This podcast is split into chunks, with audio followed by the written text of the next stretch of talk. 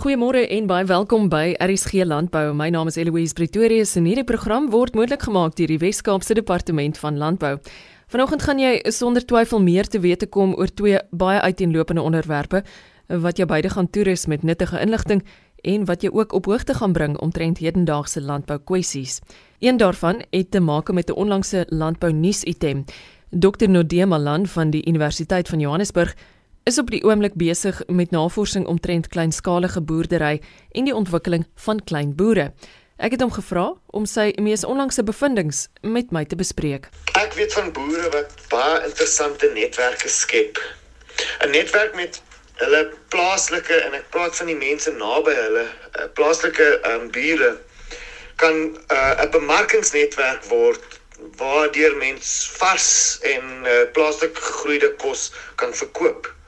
Maar daai selfe verhouding word ook 'n uh, netwerk om bronne uit die gemeenskap te oes. So mense kan rommel, afval en in inligting ens ook oes en natuurlik ook mense kan jou verbruiker opvoed hierdeur uh, wat ook eintlik deel is van bemarking.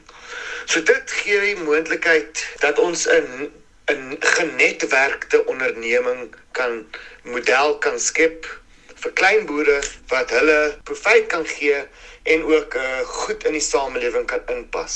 Die ander data wat ons het oor klein boere is eintlik maar van die agricultural census wat Stats SA ook stuur. Van hierdie kan mens ook sien hierdie ouens, hulle produseer nie eintlik vir die mark nie. En meeste van hulle het minder as 10 as hulle diere het, minder as 10 eenhede. Uh, Natuurlik hoenders is kan jy bietjie meer hê.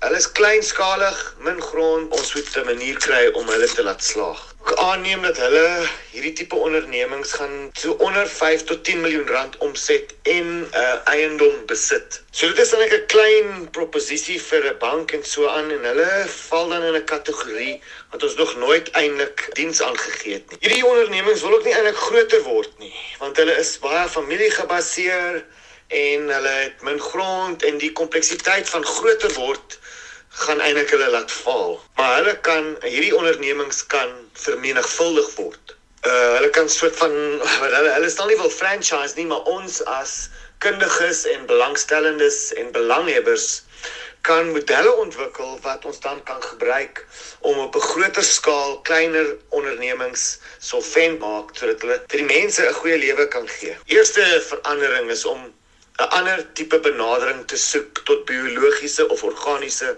landbou. Biologiese en organiese landbou is glad nie onproduktief nie. Die punt is net dit is kennis uh, intensief en mens moet baie mens moet baie kompos gooi. Die tegnologie wat dit kan ondersteun moet ook nog ontwikkel word en ehm um, die punt eintlik is dit bring meer profijt want daar is minder finansiële insette nodig. Mens mens vervaardig jou eie insette in plaas van om dit te koop. Daar is baie tegnologieë wat op 'n biologiese manier klein boer uh, baie kompeterend kan maak. En dit kan begin by hoe om die grond te te bewerk. Mens kan 'n uh, hulle noem dit 'n hugelkultuur in Duits of 'n French double dig trench garden kan mens groei.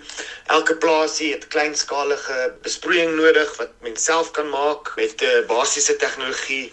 Mens moet mulching gebruik om die grond toe te maak, klein tonneltjies of groter tonnels.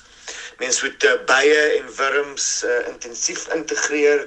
Mens moet tegnologieë soos vloeibare uh, bemesting wat mens self kan maak integreer. As mens uh, baie intensief hierdie goeders bymekaar sit, is dit moontlik om 'n ekologiese produksiemodel te skep wat kompeterend is. Finansieel moet ons regtig dink aan produkte wat 'n lening vir 'n boer kan gee van om en by 5 tot 15000 rand as 'n eerste ronde. Miskien baie baie lae administrasiekoste moet hê, maar um, ons moet onthou vir so klein boere 100000 rand lening is die einde van die onderneming. Ons het ook nie genoeg opvoedkundige materiaal om hierdie goeders aan die gang te hou nie. So daar is 'n groot uitdaging vir universiteite en uh, nie regeringsorganisasies. Dit is nodig vir die hele sektor van mense en belanghebbendes wat 'n uh, be belang het in kleinboere, organiese of biologiese produksie, profit, uh, ekonomiese haalbaarheid. Daai mense moet almal bymekaar kom en ons moet opvoedingsprogramme en materiaal, finansiële uh, materiaal en produkte ontwikkel vir hierdie boere. Ons moet onthou die boere se deel van die produseerders van die produksieprys is baie laag en boere kry minder as wat die mense wat basiese verpakking doen. Die produk wat ons moet verkoop moet so ontwikkel wees dat die boer of die kleinboer die meerderheid van die produksie van daai produk op die plaas kan doen met minimale middelstanders wat dit op die ou einde tot by die uh, verbruiker lewer. As dit nie gebeur nie, gaan niks werk om klein boere te ontwikkel nie. So gesels Dr Nodema Malan van die Universiteit van Johannesburg en soos jy nou gehoor het, is kleinskalige boerdery 'n opwindende en ontwikkelende veld in Suid-Afrika. Dr Annelie Kloete is staatsveearts en is gestasioneer by Elsenburg net buite Stellenbosch. En vandag deel sy 'n belangrike boodskap wat te maak het met 'n diere siekte waarvoor ons reg deur die jaar in alle gebiede van ons land bedag moet wees. Ek wil vandag graag 'n uh, baie interessante bakteriese siekte met 'n groot naam met jou deel Eloise. Die naam is Chlamydophila psittaci. En hierdie is 'n bakterie wat 'n verpligte intrasellulêre organisme is. Dit beteken hy kan net binne in 'n sel vermeerder en as daar dan genoeg van hulle is, bars hierdie sel basies oop, so die sel word vernietig en die infektiewe vorm word vrygestel sodat hy weer nuwe selle kan indring. As daar 'n groot hoeveelheid van hierdie bakterieë in die liggaam teenwoordig is, kan hy duidelik baie skade maak. En dis dan wanneer papegaaie of die mens wat dalk blootgestel is, dan baie siek kan raak van hierdie siekte. En dis presies wat ek jare gelede gesien het toe ek nog in privaat praktyk was en besig met konsultasies. Ek het die volgende kliënt ingeroep en 'n seker so 10 meter se stap van die wagkamer tot in my spreekkamer. Ek het voorgestap en was net bewus van hierdie blok van 'n man wat in die deur staan met sy African Grapes se skouer. Maar hy kon nie verder stap nie. Ek het my boeglam geskrik. 'n Stoel nader gesleep sodat hy darm kan sit. Hy vertel toe dat hy ook nie lekker voel nie, maar sy papegaai is regtig siek en hy wou hom eers bring voordat hy self dokter toe gaan ek dink hy het iets genoem van 'n seer borskas en, en dat hy moeilik asemhaal. En ek sien toe die grys papegaai is lekker opgepof in die oë, is rooierig en tranerig en sy stert beweeg so op en af soos wat hy asemhaal. Tipiese tekens van 'n ligwegprobleem. Noodloos om te sê ek het die papegaai opgeneem en hom dadelik dokter toe gestuur met die instruksie dat hy moet vra dat hulle moet toets vir stakose of papegaaikoors. Beide van hulle het die siekte onderlede gehad en beide van hulle suksesvol behandel en het heeltemal herstel. Net 'n jaar of 2 voor dit het 'n eertydse kollega van my in die ou Oos-Transvaal wat nou in Mpumalanga is, is hy oorlede aan hierdie siekte. So, dit kan 'n ernstige tot dodelike siekte wees ook in mense. Maar dis 'n baie raar bakteriese siekte wat mense vanaf voels en ook vanaf soogdiere kan aansteek. Meestal is dit is dit nie 'n ernstige siekte nie met nie spesifieke griepagtige simptome, seer lyf, koors, moegheid En as daar ander stelsels aangetast is in die liggaam, wat dit kan basies enige sel binnendring hierdie bakterieë, dan sal daar soortgelyke simptome wees, 'n lewer of ehm um, 'n um, spysverteringsstelsel probleme. Maar soms kan dit ontwikkel in 'n lewensgevaarlike gevaarlike longontsteking en ek vermoed dis meer algemeen wanneer mense in kontak kom met papegaaie wat ook baie baie sensitief is vir hierdie siekte en daarvan die naam papegaaikoors. So hoe kry ons dit van diere? Dis gewoonlik deur direkte kontak met 'n siek dier. Die bakterie word uitgeskei in enige van die liggaamsuitskeiding van 'n geïnfekteerde voël, so die mis, die urine, ooguitloopsels en dit kan ook baie lank oorleef in 'n beskermde omgewing, so stof wat aan wat wat kom as mense hokke skoonmaak, daai tipe van goed kan ook vir mense blootstel. So mense word dikwels dan blootgestel hoenderhokke, duiwelhokke en natuurlik dan ook die die papegaaie. Ek het 'n ander kollega wat dit eendag opgedoen het terwyl hy besig was om 'n siekokketeel te ondersoek en die voeltjie toe in sy gesig gehoes het.